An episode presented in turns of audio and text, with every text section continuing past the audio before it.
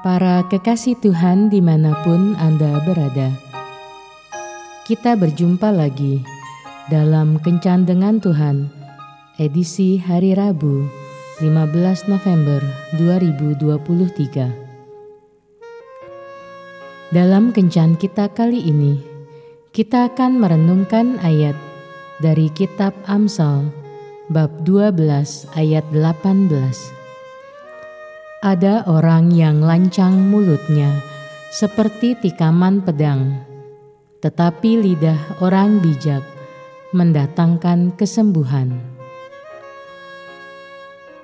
Para sahabat kencan dengan Tuhan yang terkasih, seorang pria menderita kepahitan yang dalam selama bertahun-tahun terhadap salah seorang dosen karena satu pernyataan yang diucapkan dosen tersebut.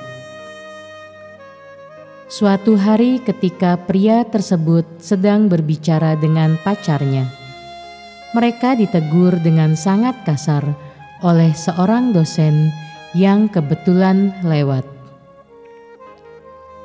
Begitu melihat mereka berdua, dosen tersebut langsung mendatangi mereka dan berkata, "Saya muak melihat kalian berdua. Saya tidak bisa makan kalau melihat kalian berdua, mau muntah rasanya." Pria tersebut dan pacarnya begitu sakit hati. Sampai-sampai setiap kali dosen tersebut mengajar di kelas, mereka tidak mau mendengarkan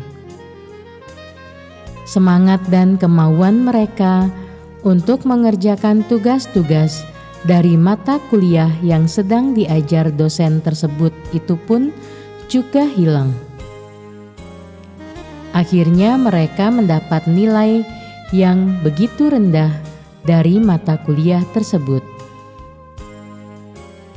Hal itu bukan karena mereka bodoh, tetapi karena kepahitan dalam hati mereka kepada dosen yang mengajarnya.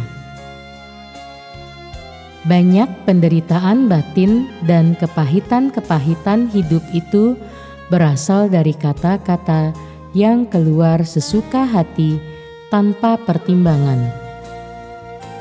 Perkataan yang tidak diperhatikan sebelumnya tanpa disadari dapat melemahkan, mematikan semangat, gairah, bahkan spiritualitas orang lain. Oleh karena itu, sebaiknya sebelum mengucapkan sebuah kalimat, teguran, nasihat, atau gurauan apa pun, tanyakan terlebih dahulu pada hati kita. Apakah ada rasa damai di hati kita dengan mengucapkan hal tersebut? Apakah hati kita gelisah dan merasa tidak enak? Akankah ada seorang yang hatinya terluka karena perkataan kita? Kalau hati kita tidak tentram, tidak ada damai sejahtera untuk mengatakan hal seperti itu, tahan dulu, jangan lanjutkan bicara, renungkan lagi dan berdoa kepada Tuhan, memohon hikmat dari Roh Kudus. Tuhan Yesus memberkati. Marilah berdoa. Tuhan Yesus, berikanlah aku hikmat dan kepekaan untuk selalu bisa membedakan kata-kata yang berguna dan kata-kata yang tidak berguna Maafkan semua perkataanku yang telah menyakiti hati orang lain. Aku mohon padamu untuk membungkus hati orang yang aku sakiti dengan cinta dan pengampunanmu. Amin.